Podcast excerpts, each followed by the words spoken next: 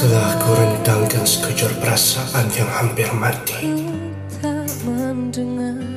Di penghujung musim semi Kala dedaunan emas hendak gugur memanjiri Jalur hidup yang pernah kita lewati Bersama Perlukah aku memilih untuk tua bersama memori? Atau tetap saksama menukar hala tujuh hidupku? Menuju mentari?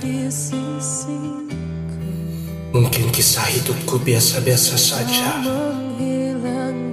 Menyeduh kopi hangat di waktu pagi. Merenung senja di waktu petang. Lalu menangis di malam hari sendiri. Hatiku hanya sebatas sebuah perenggan yang terlepas untuk kau baca. Rinduku hanya nokta yang lupa untuk kau tuliskan. Manakala jeda pula merupakan jarak yang paling panjang terisi dengan kenangan pahit manis bersamamu. Jangan kau soal tentang kesetiaanku. Jangan pula kau soal tentang pengharapanku. Tamsil seperti sekeping kertas usang yang rebut dimakan anai-anai. Tentang ratusan puisi yang telah aku kirimkan padamu. Hanyalah sekumpulan kertas kosong yang tidak tertulis apa-apa.